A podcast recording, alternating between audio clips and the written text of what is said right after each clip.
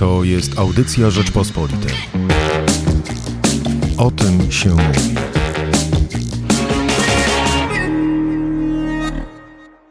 Ja nazywam się Michał Płociński, a dzisiaj porozmawiam z Rafałem Grzelewskim z Polskiej Akcji Humanitarnej. Dzień dobry. Dzień dobry panu, dzień dobry państwu. No, dużo się mówi od miesięcy o tym, jakie mamy problemy, jak u nas jest ciężko. E, zwrócimy, zwrócimy dzisiaj uwagę jednak na to, że niektórzy mają dużo ciężej niż my w Polsce, niż my w ogóle e, w Europie. A tymczasem ten rok 2020, e, który spróbujemy sobie trochę dzisiaj podsumować pod kątem właśnie kryzysów humanitarnych i trochę wyjść do przodu, co tak naprawdę się zmieniło i co to oznacza na przykład dla globalnego południa, ten rok nie zaczął się wcale tak źle. Jeżeli popatrzymy na przykład na miejsca, gdzie działa polska akcja humanitarna, czyli Ukraina, Irak, no wcale tam e, nie dochodziło do jakichś e, otwartych działań zbrojnych. Wydawało się, że, że rok 2020 niesie ze sobą jakieś e, nadzieje. Sudan Południowy, tam także długie długie e, pertraktacje pokojowe, które, w których nawet zaangażował się Ojciec Święty e, Franciszek. Tam też został podpisany, została podpisana na pewno ugoda pokoj, pokojowa. Jak popatrzymy jeszcze szerzej, no to też pewne nadzieje widać było na przykład na Bliskim Wschodzie, ten plan Trumpa e, no, dawał jednak jakieś podstawowe nadzieje. Trudno dzisiaj oceniać, na, na, na, na ile one się spełnią e, do jakiegoś większego układu pokojowego. E, tymczasem w lutym, na początku marca, chyba wszystko się e, zmieniło. Nie mogliśmy się spodziewać oczywiście nadejścia e, pandemii. E, pamiętam, że akurat razem, i ja, i pan, panie Rafale, byliśmy w Sudanie Południowym z Polską Akcją Humanitarną w momencie, kiedy pojawiły się pierwsze przypadki koronawirusa we Włoszech, kiedy zaczęliśmy śledzić w internecie, że ta pandemia wybucha i co tak właściwie ta pandemia dla sytuacji humanitarnej świata zaczęła zmieniać. No rzeczywiście ten rok 2020 e, nie zaczął się źle na północy, bo chociaż w niektórych krajach południa były też promyki nadziei, wspomniany Irak, e, czy podpisanie porozumienia pokojowego w Sudanie, e, dające nadzieję na, na wykaszenie wyniszczającego konfliktu. Natomiast no, gwoli ścisłości muszę zaznaczyć, że już w grudniu 2019 roku ONZ przestrzegało, że czeka nas trudny czas, głównie wskazując na migracje wywołane przez wciąż tlące się, dogasające albo uśpione konflikty zbrojne, y, no i kryzys klimatyczny, który przejawia się bardzo ostrymi zjawiskami pogodowymi, powodując to, że ludzie po prostu uciekają ze swoich domów, domów, a jeszcze nikt wtedy, w tym grudniu 2019, nie przewidywał pandemii i globalnych skutków. No, w rezultacie mamy za sobą bardzo y, y, trudny, przełomowy rok w pomocy humanitarnej. Przełomowy, bo najtrudniejszy od przynajmniej dwóch lat, dekad.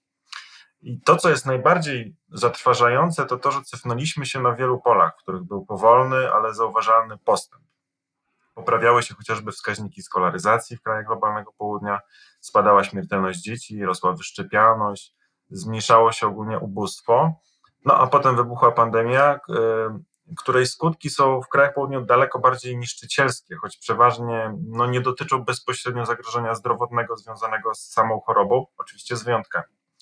Bo koronawirus wystawia bardzo srogi rachunek właściwie wszystkim państwom afrykańskim, Bliskiemu Wschodowi, zwłaszcza Iranowi, Jemenowi, Ameryce Południowej, ale też jest przerażająca recesja gospodarcza w Indiach, gdzie gospodarka skurczyła się aż o 10%. E, choroba jest oczywiście problemem, ale też często druzgoczące są skutki ekonomiczne. To też obserwujemy w polskiej rzeczywistości. E, ale w tym, w tym świecie zapomnianym, w tym świecie, o którym dzisiaj rozmawiamy, e, są one, one o tyle bardziej bolesne, bo to jest świat, gdzie życie w ogóle jest bardziej, bardzo kruche i niezwykle łatwo je wywrócić do góry nogami. To jest świat bardzo mało odporny na otrzymywanie wszelkich szoków, tak na poziomie państw, jak i w życiu zwykłego człowieka. No, bardzo prosty przykład. W wielu krajach afrykańskich i na Bliskim Wschodzie, e, w tym Sudanie Południowym, wprowadzono bardzo surowe, czasami wręcz drakońskie lockdowny. To były czasami godziny policyjne, trwające też w dzień, co z kolei uniemożliwiało ludziom wychodzenie do pracy, do pracy, która zwykle jest pracą na dniówki. E, I tych pieniędzy starcza najczęściej tylko na jedzenie. No więc kto nie pracuje, ten naprawdę nie je. To jest porażające, ale przez COVID-a liczba osób głodujących na świecie się podwoiła właśnie przez masowe bezrobocie. zwyżki cen żywności, ale też spadła w ogóle dostępność jedzenia. No bo w wielu krajach tradycyjnie kupuje się jedzenie na bazarach, a też, też zostały zamknięte jako miejsca potencjalnie przyczyniające się do rozprzestrzeniania czy transmisji wirusa. Ale rozumiem, że pomoc humanitarna nie ustała. Różne organizacje, NGOsy cały czas były na miejscu, prawda? Tak, tylko musimy tutaj zaznaczyć, że pomoc humanitarna też podlegała tym wszystkim restrykcjom, które zostały narzucane na wszystkich e, przeciętnych obywateli w danym kraju. To nie jest tak, że w momencie, kiedy na przykład państwa zamykały miasta, odcinały drogi, tworzyły różnego rodzaju blokady, utrudnienia, to ta pomoc humanitarna mogła płynąć w sposób y, niezakłócony na takich samych warunkach. No też musieliśmy się na przykład wstrzymywać y, z dystrybucjami albo y, robić je w mniejszym zakresie, albo robić je w znacznie mniejszych grupach, no to na pewno spowodowało zmniejszenie możliwości dotarcia do, do ludzi w potrzebie. No też te wszystkie zakłócenia łańcuchu dostaw sprawiły, że trudniej było dostarczać pomoc humanitarną do, do państw, które czasami są bardzo niedostępne. No chociażby ten Sudan Południowy jest wielkości e, Francji, a jest tam tylko 200 kilometrów e, dróg asfaltowych. No w sytuacji, kiedy są jeszcze dodatkowe utrudnienia, takie instytucjonalne, no to, to czasami na, na poziomie zwykłego człowieka jest, człowieka jest to wybór między życiem a śmiercią. Jak to przełożyło się pandemia i nowe problemy na sytuację polityczną, na sytuację bezpieczeństwa, na właśnie na kwestie pokoju, wojny?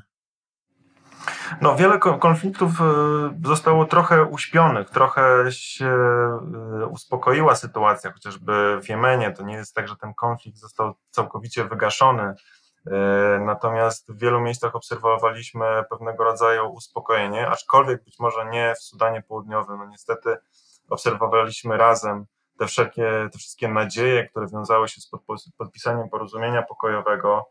E, no w tej chwili w, w, akurat w Sudanie to są bardzo świeże informacje.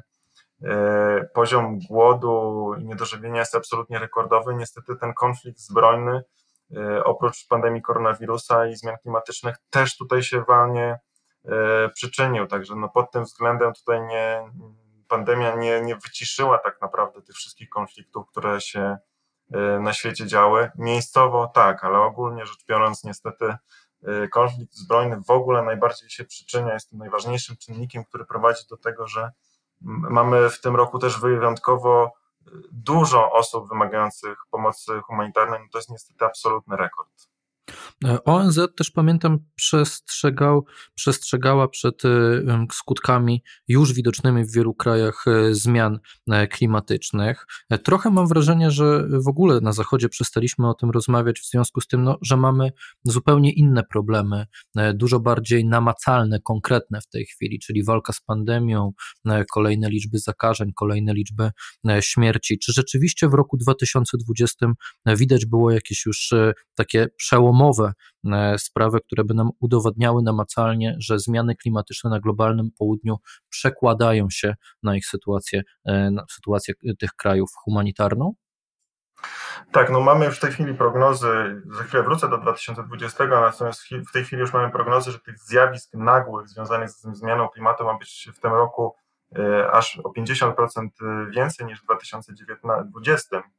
E, no, razem byliśmy w Sudanie Południowym kilka miesięcy po naszym powrocie e, do kraju. Sudan Południowy nawiedziły wielkie, pustoszące e, ten obszar powodzie.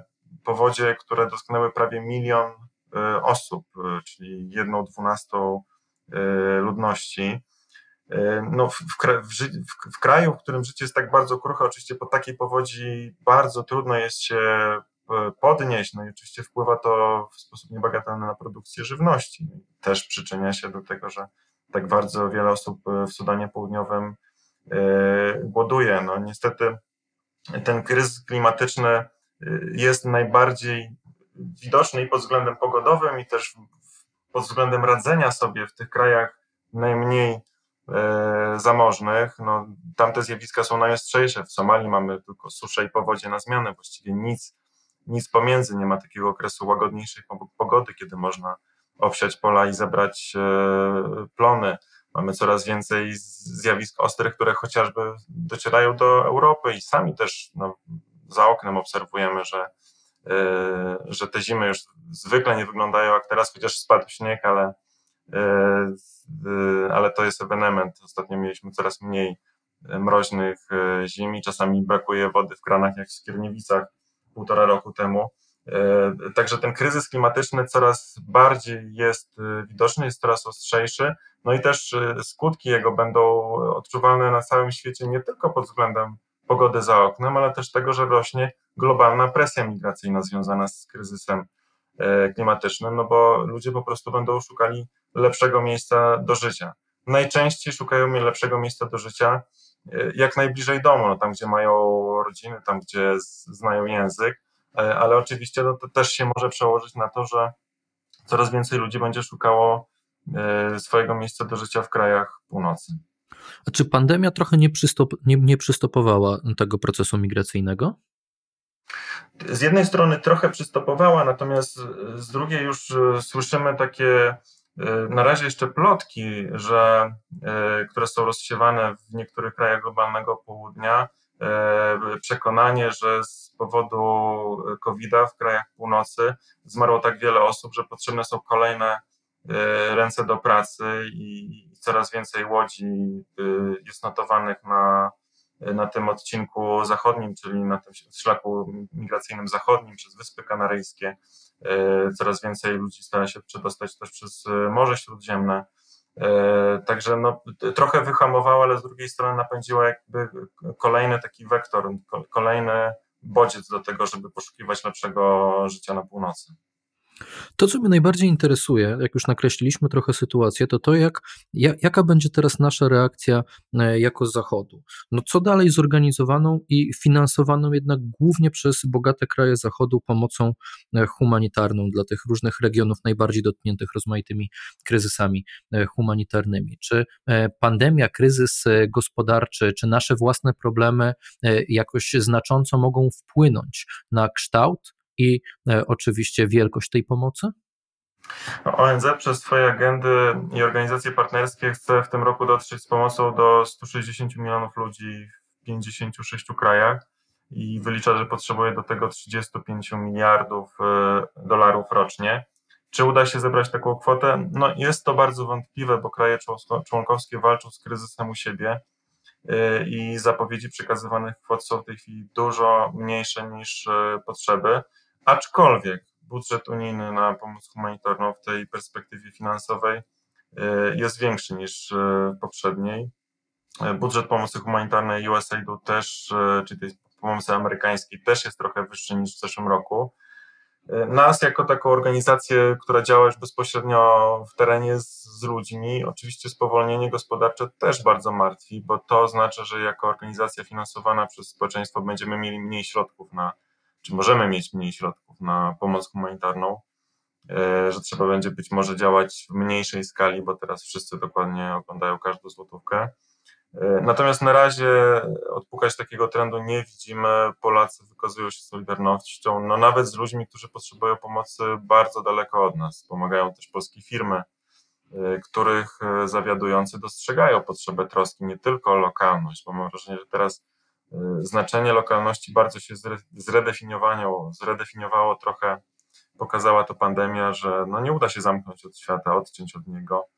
Wszyscy żyjemy w systemie naczyń połączonych i troska o świat w ogóle, to też jest troska o świat y, taki nam najbliższy, powszedni. No to jak rysuje się ta przyszłość w tym, jak pan to nazwał, świecie zapomnianym? U nas tematem numer jeden jest program szczepień. Czy kraje globalnego południa mają szansę na jakieś, na jakieś poważniejsze, e, e, poważniejsze programy szczepienia? W ogóle szczepionki e, wymyślone na Zachodzie w jakimś najbliższym czasie dotrą na globalne południe? WHO tworzyło teraz taki specjalny fundusz na szczepienia przeciw COVID-owi e, o nazwie COVAX w, w krajach globalnego południa, bo przecież no, walka z koronawirusem ma sens, jeśli solidarnie weźmie w niej udział cały świat. E, niestety już mamy niepokojące doniesienia, że może być problem z finansowaniem, bo bogate kraje niezbyt skłonne są, żeby e, się do tego funduszu dorzucać. Szczepienia w bogatych krajach już trwają. WHO zapowiada, że kraje biedniejsze dostają szczepionki, dostaną szczepionki od lutego. Natomiast do wyszczepienia potrzebny jest personel, no, środki zdrowia, cała logistyka. No my sami mamy z tym kłopoty, a w tych krajach zapomnianych, jak ja je nazywam, na przykład w Jemenie przez wojnę funkcjonuje tylko połowa szpitali ośrodków zdrowia. Więc samo dostarczanie szczepionki nie rozwiązuje problemu, a niestety też ujawnia już istniejące. E, w tym wszystkim trzeba też pamiętać, że ignorowanie krajów południa w szczepieniach przeciwko COVID-owi jest zupełnie nieopłacalne, bo, bo te kraje mogą stać się rezerwuarem wirusa, który wróci na północ. I, i to też jest ostrzeżenie ONZ-u. Jak wiemy, z tą chęcią do szczepień e, u nas bywa różnie. E, natomiast zaniedbywanie pomocy, odwracanie oczu od problemów południa będzie skutkowało tym, że świat będzie coraz mniej stabilny, że konflikty zbrojne, na przykład wojny o malejące zasoby wodne będą eskalować. W związku z czym ludzie będą szukali lepszego miejsca do życia, bo w ich krajach po prostu nie będzie się dało e, żyć. No co oznacza, tak jak już mówiłem, że ta globalna e, presja migracyjna będzie rosła. Co do przyszłości, no nie jesteśmy bezradni, no są organizacje, jest, jest Polska Akcja Humanitarna, chociażby, która stwarza lepsze warunki do życia ludziom, żeby nie musieli porzucać, porzucać swoich domów, żeby sami mogli sobie wyprodukować żywność, żeby mieli bardziej godne e, e, warunki do życia. No i do tego wspierania PAC nieustannie zachęcam. E, no, mamy też niestety czarne prognozy ONZ-u co do tego najbliższego roku. Wiemy, że ten wzrost liczby osób pomocy, wymagających pomocy humanitarnej będzie aż o 40% większy niż e, w zeszłym roku, czyli jedna na 33 e, osoby będzie na świecie będzie wymagała pomocy humanitarnej. No to jest absolutny rekord od dekad. Czyli co, my wierzymy, że na północy, na zachodzie poradzimy sobie z tym koronawirusem dzięki akcji szczepień, że rok 2021 będzie lepszy niż 2020, ale globalnie raczej nie ma szans, raczej czekają nas jeszcze poważniejsze wyzwania, tak? No są jeszcze poważniejsze wyzwania, bo jest dużo wyzwań, które zostały kompletnie zapomniane albo są ignorowane, czyli przede wszystkim kryzys y, klimatyczny. Jedna z tych składowych tego śmiertelnego trio, oprócz pandemii koronawirusa i konfliktów zbrojnych, ten kryzys, który po prostu wypędza ludzi y, z domu, który uniemożliwia im produkcję jedzenia, no to, to przyczynia się walnie do tego, że osób wymagających pomocy humanitarnej jest tak dużo, no i niestety wciąż wzrasta. Dziękuję za rozmowę. Moim gościem był Rafał Grzelewski z Polskiej Akcji Humanitarnej. Na koniec może, e, jak już Pan zachęcał do, do pomocy, to podajmy adres strony Polskiej Akcji Humanitarnej. Pachorg.pl. E, dzisiaj dużo mówiliśmy o Sudanie Południowym, więc zachęcam do odwiedzenia strony Polskiej Akcji Humanitarnej, bo akurat prowadzimy taką specjalną zbiórkę pomocową dla Sudanu Południowego, właśnie ze względu na to, że liczba osób zagrożonych głodem jest tam no, rekordowo dużo. No niestety zaczyna się, e, zaczyna się, zaczyna się to śmiertelne żniwo, które e, zasiał między innymi COVID w zeszłym, w zeszłym roku. Zachęcam też entuzjastów podcastów do słuchania naszego podcastu, który niedawno założyliśmy o przewrotnej nazwie Tolerancja to za mało. Dużo tam właśnie mówimy o tym świecie zapomnianym. Chyba nie ma takiego podcastu jeszcze na, w polskiej podcastosferze, także tym bardziej zachęcam, jest na wszystkich platformach podcastowych. No to panie Rafale, skoro autopromocja, to ja jeszcze przypomnę w takim razie, że w plusie minusie właśnie dzięki e, Polskiej Akcji Humanitarnej mogłem opisać sytuację w Sudanie Południowym. Zapraszam do przeczytania w takim razie na naszych stronach rp.pl artykułu pod tytułem Pół mostu na Nilu. Michał Płociński, dziękuję za wysłuchanie podcastu. Ja również dziękuję. Słuchaj więcej na stronie podcasty.rp.pl. Szukaj Rzeczpospolita Audycje w serwisach streamingowych.